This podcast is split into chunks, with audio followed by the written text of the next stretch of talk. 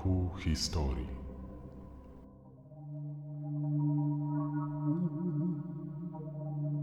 Wizerunek złych Indian, jaki wykreowały amerykańskie westerny, nie pozostawiał złudzeń. Zrodziło to przeświadczenie, że czerwonoskórzy wojownicy mieli tylko jeden cel zabić i oskalpować miłujących pokój białych osadników. Tych, których nie zabili, porywali. Uprowadzano głównie kobiety, które później zostawały niewolnicami Indian. Tak do plemienia Mojave trafiła Olive Oatman. Choć westerny często zakłamywały prawdziwy obraz Indian, faktem jest, że na odległych preriach Dzikiego Zachodu dochodziło czasami do krwawych ataków wrogo nastawionych indiańskich plemion na amerykańskich pionierów. Jednak uprowadzone podczas tych napadów białe kobiety zwykle szybko wracały do swoich domów i rodzin. Olive Oatman nie chciała nawet słyszeć o takim powrocie. Podczas swojego pobytu wśród Indian Mojave poznała ich kulturę, tradycję i obyczaje. Pokochała indiański świat. Została nawet adoptowana przez samego wodza. Na znak przynależności do Indian jej ramiona i brodę ozdobił rytualny tatuaż plemienny. Otrzymała nowe imię i wiodła szczęśliwe życie wśród swoich współplemieńców. Pragnęła tylko jednego do końca swoich dni pozostać jedną z nich. Nie pozwolono jej na to. Wbrew własnej woli została oswobodzona i siłą przywieziona z powrotem do cywilizowanego świata białych ludzi. Wróciła, chociaż nie chciała. Oto historia białej kobiety, która nawet po uwolnieniu z indiańskiej niewoli nigdy nie przestała być Indianką. Dziewczyna z tatuażem.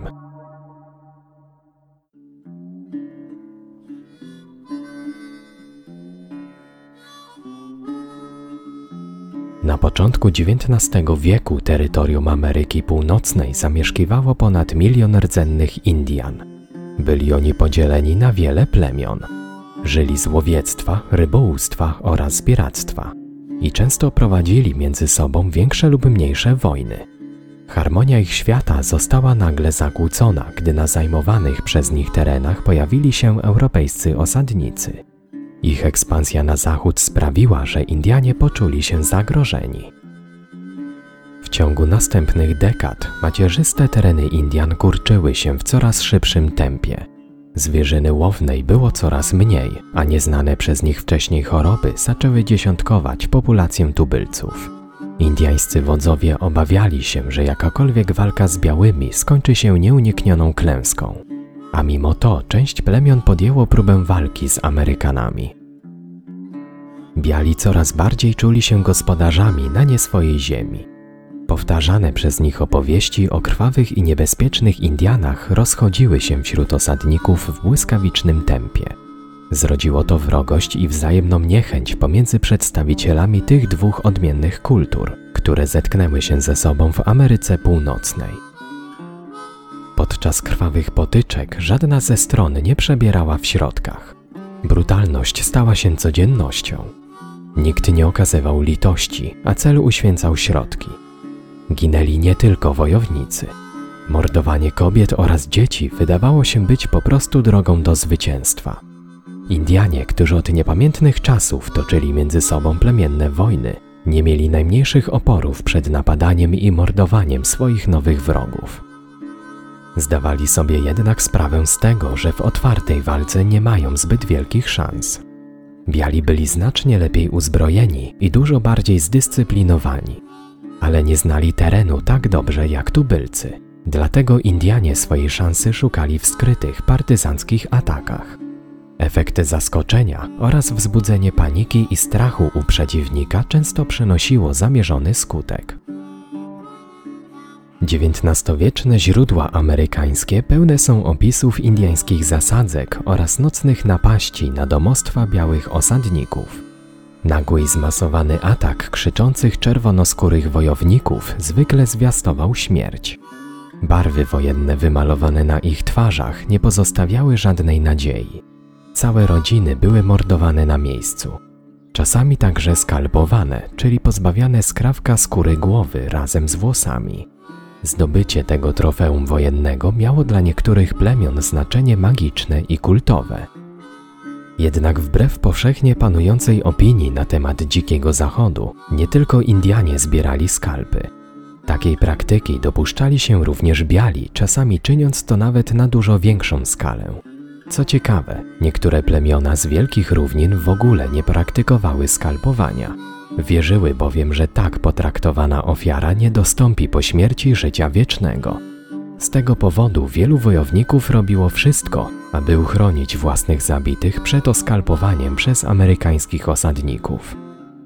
Z czasem Indianie doszli do wniosku, że wymordowanie całych rodzin jest po prostu niepraktyczne. Dużo większy pożytek dawało zabranie ze sobą niektórych jej członków. Głównie porywano kobiety i dzieci. Tacy jeńcy stawali się wówczas niewolnikami. Gdy liczebność członków plemienia spadała wskutek wojen lub suszy, Indianie potrzebowali nowych rąk do wykonywania prostych prac fizycznych. Uprowadzeni biali zakładnicy zostawali później zmuszani do zbierania drewna na opał lub przyrządzania posiłków. Jeńcy przynosili porywaczom jeszcze jedną korzyść. Wodzowie plemion często po prostu zarabiali na niewolnikach. Bardzo chętnie uwalniali porwane wcześniej kobiety i dzieci, gdy tylko przybywali przedstawiciele ich rodzin, skłonni zapłacić wyznaczony przez Indian okup. Kiedy swoją szansę powrotu do domu otrzymała od losu Olive Oatman, kobieta zdecydowanie odmówiła.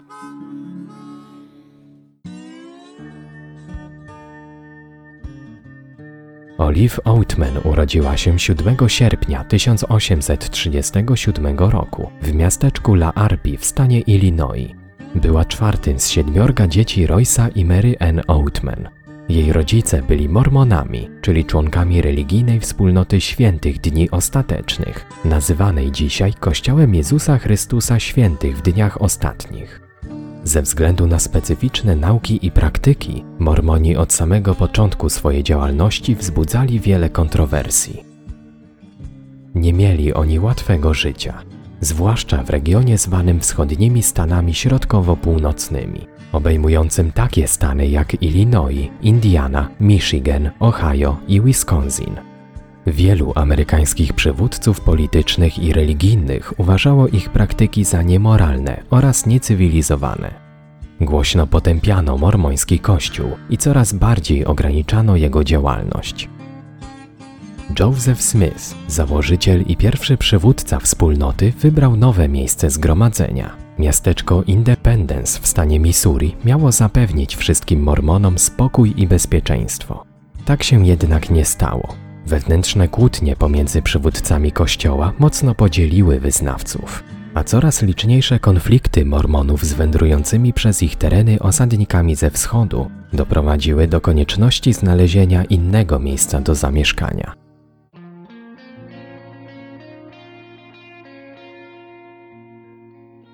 5 sierpnia 1850 roku blisko setka Mormonów postanowiła opuścić Missouri i udać się do Kalifornii. W tej grupie znalazła się również rodzina Outmanów. Po kilku miesiącach trudnej i wyczerpującej wędrówki na zachód doszło do wewnętrznych kłótni pomiędzy uczestnikami marszu. W Colorado kilka rodzin odłączyło się od reszty grupy. Na ich czele stanął Royce Oatman, który poprowadził buntowników na południe. W pierwszych dniach lutego 1851 roku rodziny dotarły do Nowego Meksyku. Wówczas jednogłośnie uznano, że tereny te nie nadają się do zamieszkania. Długo debatowano, co robić dalej iść czy zostać. Ludzie mieli już dość męczącej wędrówki, podczas której najbardziej cierpiały kobiety i dzieci. Ostatecznie postanowiono pozostać na miejscu. Wyłamał się tylko Royce Oatman, który chciał iść dalej, pomimo obaw swojej ciężarnej wówczas żony związanych z możliwością ataku groźnych Indian. Głowa rodziny miała jednak decydujący głos, więc wkrótce Oatmanowie wyruszyli na zachód. 18 lutego 1851 roku, po czterech dniach wyczerpującej wędrówki, Royce i Mary Ann oraz ich siedmioro dzieci w wieku od 2 do 17 lat dotarli nad rzekę Gila w Arizonie, około 170 km na wschód od słynnego z westernów miasteczka Yuma. I właśnie tam zrobili sobie pierwszy postój. Kilka godzin później, podczas rodzinnego odpoczynku, wydarzyła się tragedia, która przeszła do historii jako masakra Oatmenów.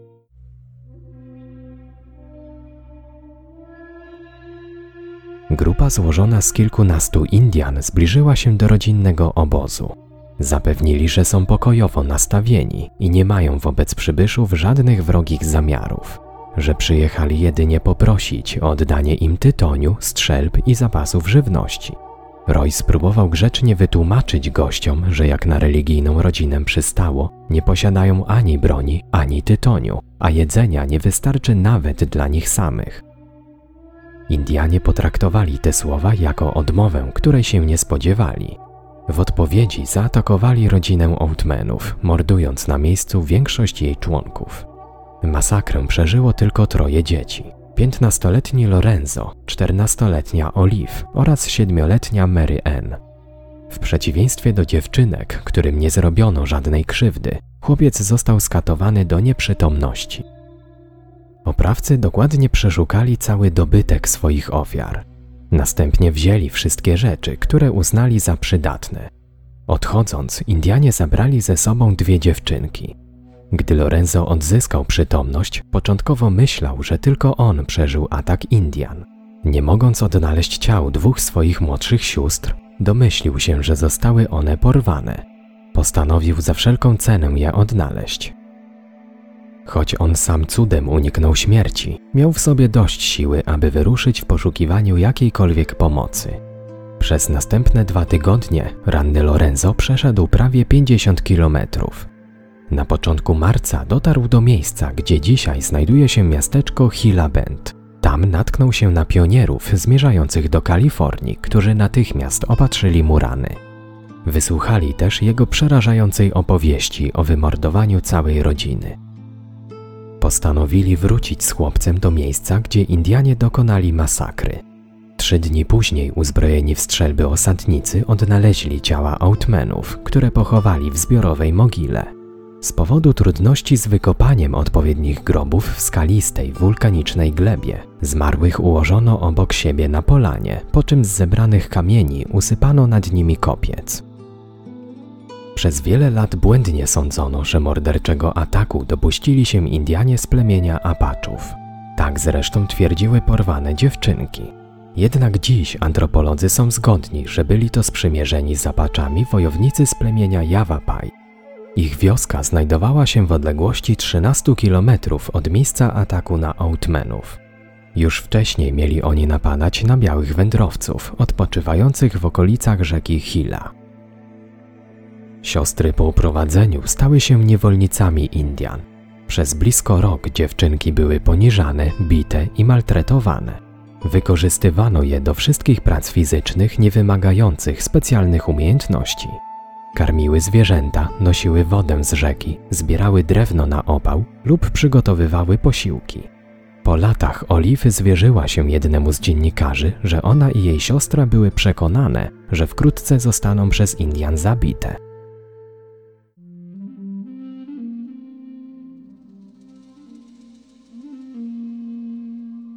Na początku roku 1852 wioskę Yavapai odwiedziła grupa Indian Mojave z południowego zachodu.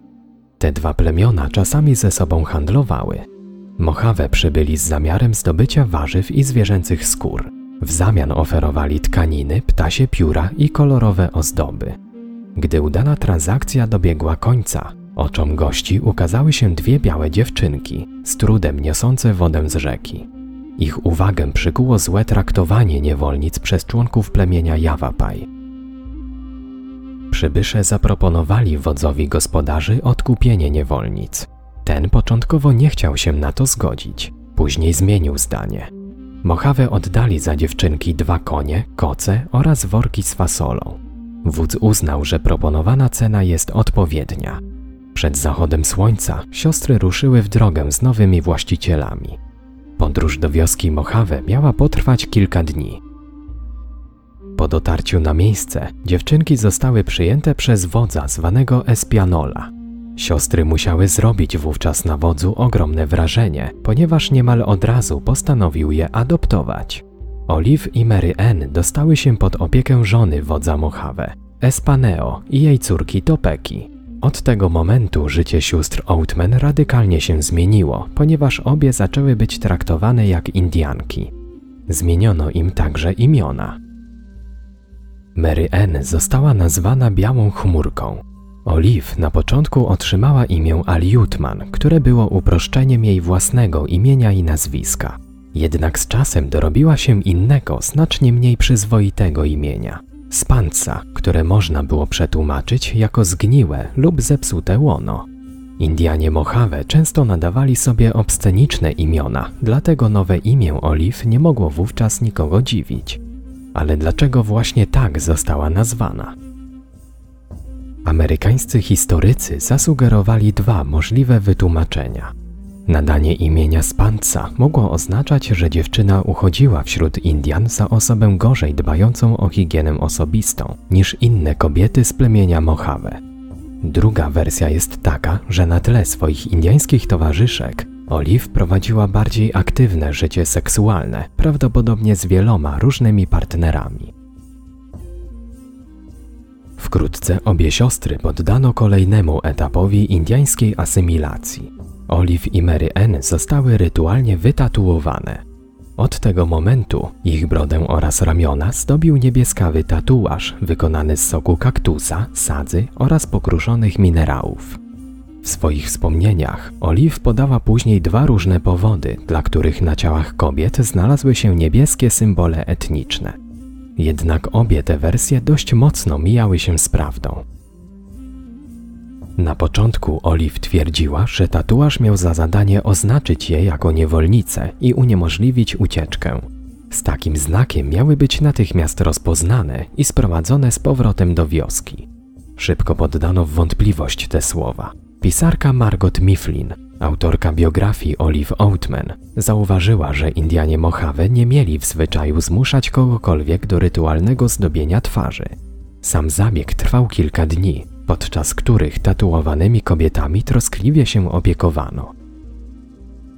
Zdecydowana większość Indianek z plemienia Mojave posiadała podobne tatuaże, nie będąc przy tym niewolnicami. Co więcej, fakt adopcji sióstr przez wodza dowodzi, że musiały one dobrowolnie zgodzić się na wykonanie tatuażu.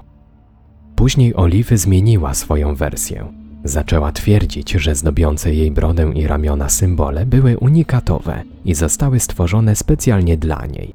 Te słowa również zostały podważone przez historyków. Identyczne zdobienia zauważono na odkrytych przez archeologów naczyniach używanych przez Mojave. Według amerykańskiego antropologa Alfreda Krebera, Indianie Mojave tatuaże wykonywali wyłącznie członkom swojego plemienia. Symbole te miały zapewnić im pomyślność i opiekę bogów. Wierzyli również, że gdy po śmierci trafią do świata umarłych, to właśnie po tym tatuażu zostaną rozpoznani przez swoich przodków z plemienia. Co prawda Mojave posiadali swoich niewolników, ale nigdy ich nie tatuowali. I to z prostego powodu. Nie zależało im na tym, aby bogowie mieli tych ludzi w swojej opiece. Nie obchodziło ich, czy po śmierci dotrą oni do krainy umarłych, czy nie. Nie chcieli również, aby już po śmierci niewolnika zmarli przodkowie Indian Mojave wzięli go za przedstawiciela ich własnego plemienia. Gdy w roku 1855 wielka susza nawiedziła cały region, plemię doświadczyło klęski wielkiego nieurodzaju. Wielu członków plemienia Mojave zmarło z głodu. Wśród ofiar była również 11-letnia wówczas Mary Ann. Podobno podczas suszy Olive w tajemnicy dostawała od swojej przybranej matki dodatkowe, ukryte przed innymi porcje pożywienia. To sprawiło, że osiemnastolatka przeżyła.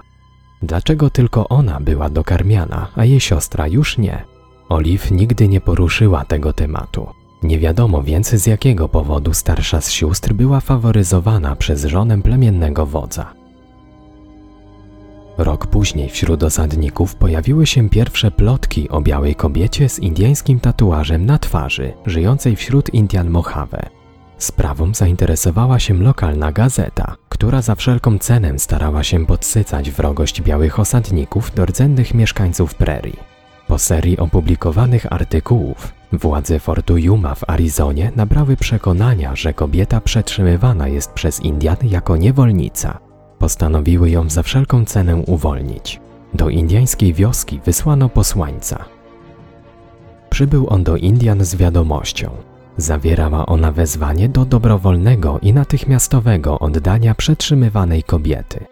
Wódz plemienia podkreślił jednak, że Oliw jest jego córką. Upierał się przy tym, że jest ona teraz Mojave. Podczas negocjacji zapewnił posłańca o swoim przywiązaniu do kobiety. Na koniec stanowczo odrzucił oskarżenia o jej uwięzieniu. Dodał, że Spansa zawsze miała możliwość odejścia i powrotu do swoich. Wódz Espianola przyznał także, że tuż po swoim przybyciu kobieta prosiła o odprowadzenie jej do najbliższej białej osady. Indianie dali jej wtedy wszelkie rzeczy niezbędne do takiej wędrówki i wskazali drogę. Nie odważyli się jednak iść z nią. Bali się, że mogą zostać ukarani przez osadników za to, że przetrzymywali u siebie białą kobietę. Oliw nie zdecydowała się na samotną wyprawę w nieznane. Później już nigdy o tym nie wspomniała. Takie tłumaczenia nie zrobiły na władzach Fortu Yuma żadnego wrażenia. Wciąż uparcie domagano się wydania uwięzionej kobiety. Wódz dał Oliw do zrozumienia, że powinna wrócić do swoich. Wiedział, że biali nie odpuszczą, a to mogło grozić interwencją zbrojną. Kobieta nie potrzebowała nawet czasu do namysłu. Od razu odmówiła, stwierdzając, że nie może opuścić własnej rodziny. Tak jak przewidział wódz, władze nie dawały za wygraną. Podczas kolejnego spotkania posłaniec dostarczył do wioski dwa konie, koce oraz worki z fasolą. Była to cena, za jaką Mojave wykupili dwie siostry. Posłaniec domagał się również spotkania z Oliw. Jednak kobieta nie chciała opuścić swojej małej, owalnej chaty, której dach pokrywała trawa i zwierzęce skóry. Kolejne negocjacje nie przynosiły rozwiązania. Dopiero groźba ataku na wioskę oraz obietnica wymordowania wszystkich członków plemienia podziałała. 28 lutego 1856 roku, po krótkiej rozmowie z posłańcem, wódz Espianola zgodził się, aby żołnierze zabrali Oliw. Postawił tylko jeden warunek. Jego córka Topeka miała towarzyszyć eskortowanej kobiecie aż do samego fortu Yuma, aby zapewnić jej odpowiednią opiekę. Zgodzono się na to i wkrótce obie kobiety wyruszyły w dwudziestodniową podróż na zachód.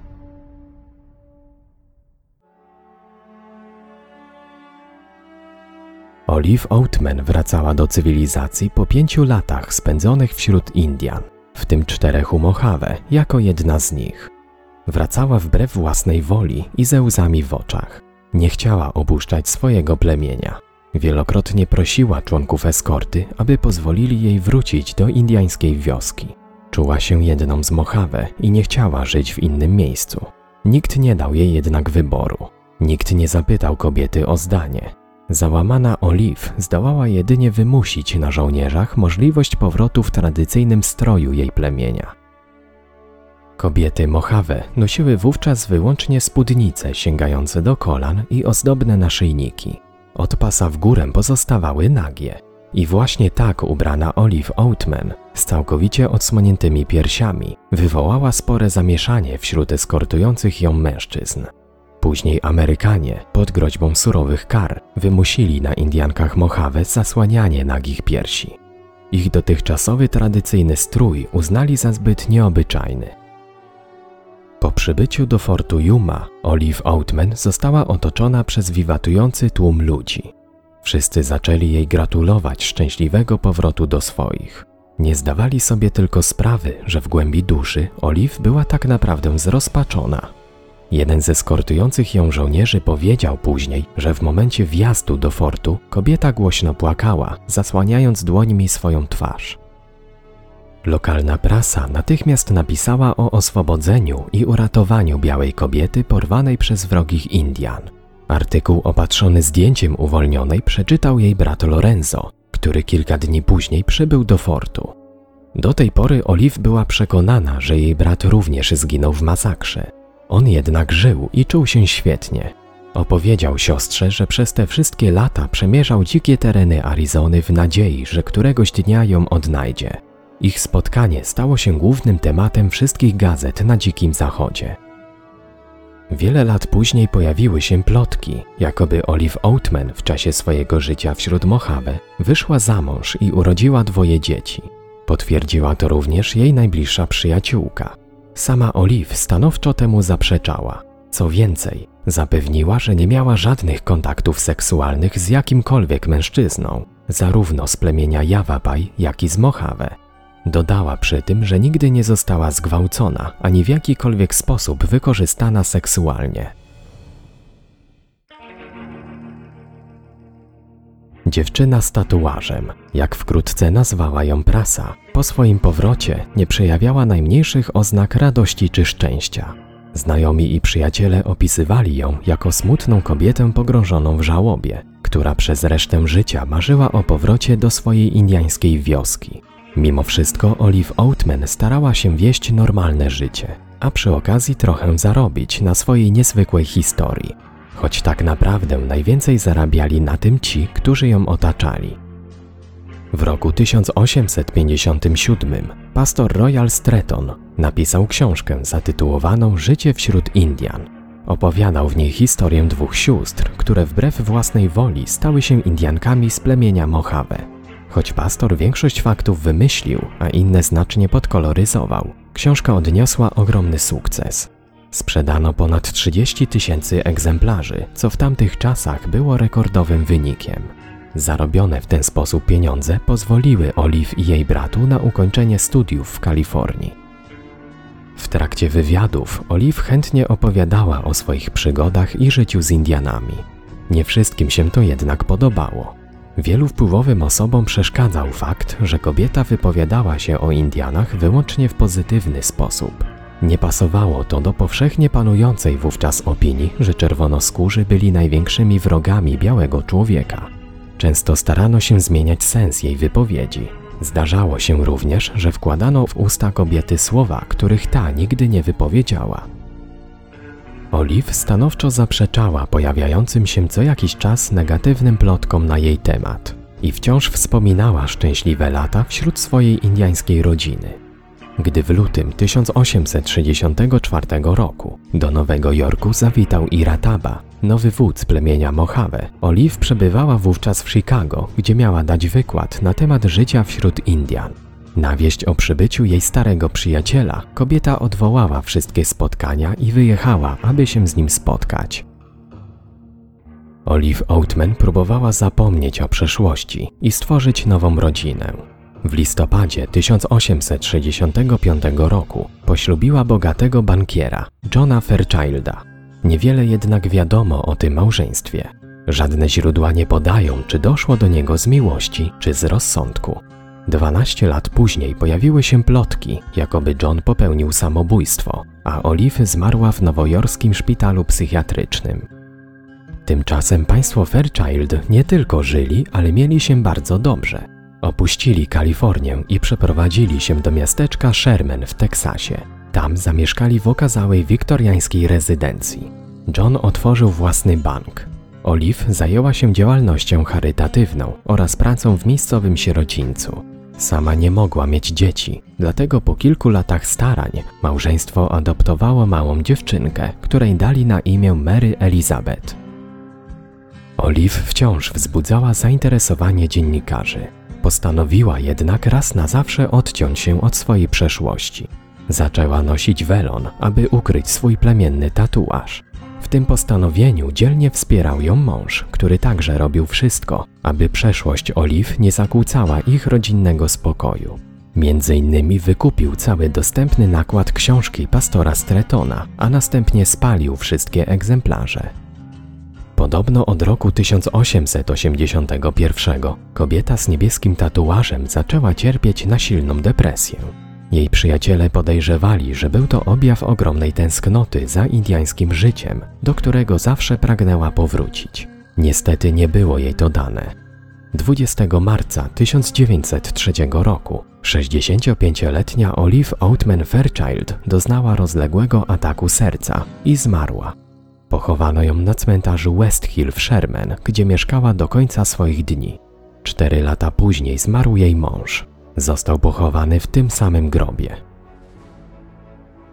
Opowieści Oliw ukazujące Indian w pozytywnym świetle nie zmieniły nastawienia białej części amerykańskiego społeczeństwa do tubylców. Ich wrogość nie zmalała, a walki trwały dalej. Czerwonoskórzy wciąż byli postrzegani jako rządni skalpów, dzicy wojownicy z prerii. Z kolei europejscy osadnicy sami siebie przedstawiali jako obrońców Ameryki, zmuszonych walczyć z dzikusami o każdy skrawek należnej im ziemi. Biali imigranci stali się wkrótce większością, z którą rdzenne plemiona Indian nie mogły wygrać. Już w czasach Dzikiego Zachodu jej imieniem lub nazwiskiem nazwano wiele miejsc. Od stacji dyliżansów po miasteczka wypełnione niegdyś poszukiwaczami złota. Olive Oatman dla wielu stała się symbolem zakazanej przyjaźni białych z Indianami. Jednak największą sławę przeniósł jej plemienny tatuaż. Dzięki niemu Olive została uznana nie tylko za pierwszą znaną z nazwiska, ale i za pierwszą sfotografowaną, wytatuowaną Amerykankę. Była też jedną z pierwszych amerykańskich mówczyń publicznych. Zdjęcia dziewczyny z tatuażem zdobiły pierwsze strony amerykańskich gazet. Prowadzone przez nią wykłady na temat pokojowego życia wśród Indian cieszyły się ogromnym zainteresowaniem w całych Stanach Zjednoczonych. Przez kolejne dziesięciolecia wokół losów Olive Oatman narosło wiele mitów i legend. Czasami trudno jest nawet ustalić, które wydarzenia z jej życia naprawdę miały miejsce, a które są jedynie wymysłem ówczesnych dziennikarzy. Po swoim przymusowym uwolnieniu, Olive Oatman robiła wszystko, aby przełamać stereotyp Indian jako wrogich dzikusów z prerii, niezdolnych do pokojowych kontaktów z białymi osadnikami. Jej walka jest dziś dla wielu Amerykanów przykładem prawdziwego patriotyzmu. Jedno jest pewne: dziewczyna z tatuażem udowodniła, że wspólna koegzystencja dwóch całkowicie odmiennych światów jest możliwa i może nieść wielkie korzyści dla obu stron. Wystarczy tylko chcieć. Ale aby tak się stało, wielu ludzi musi najpierw do tego dojrzeć.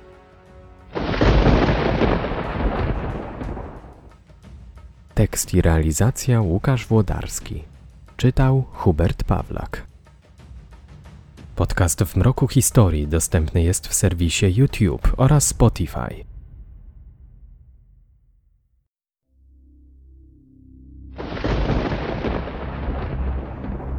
W mroku historii.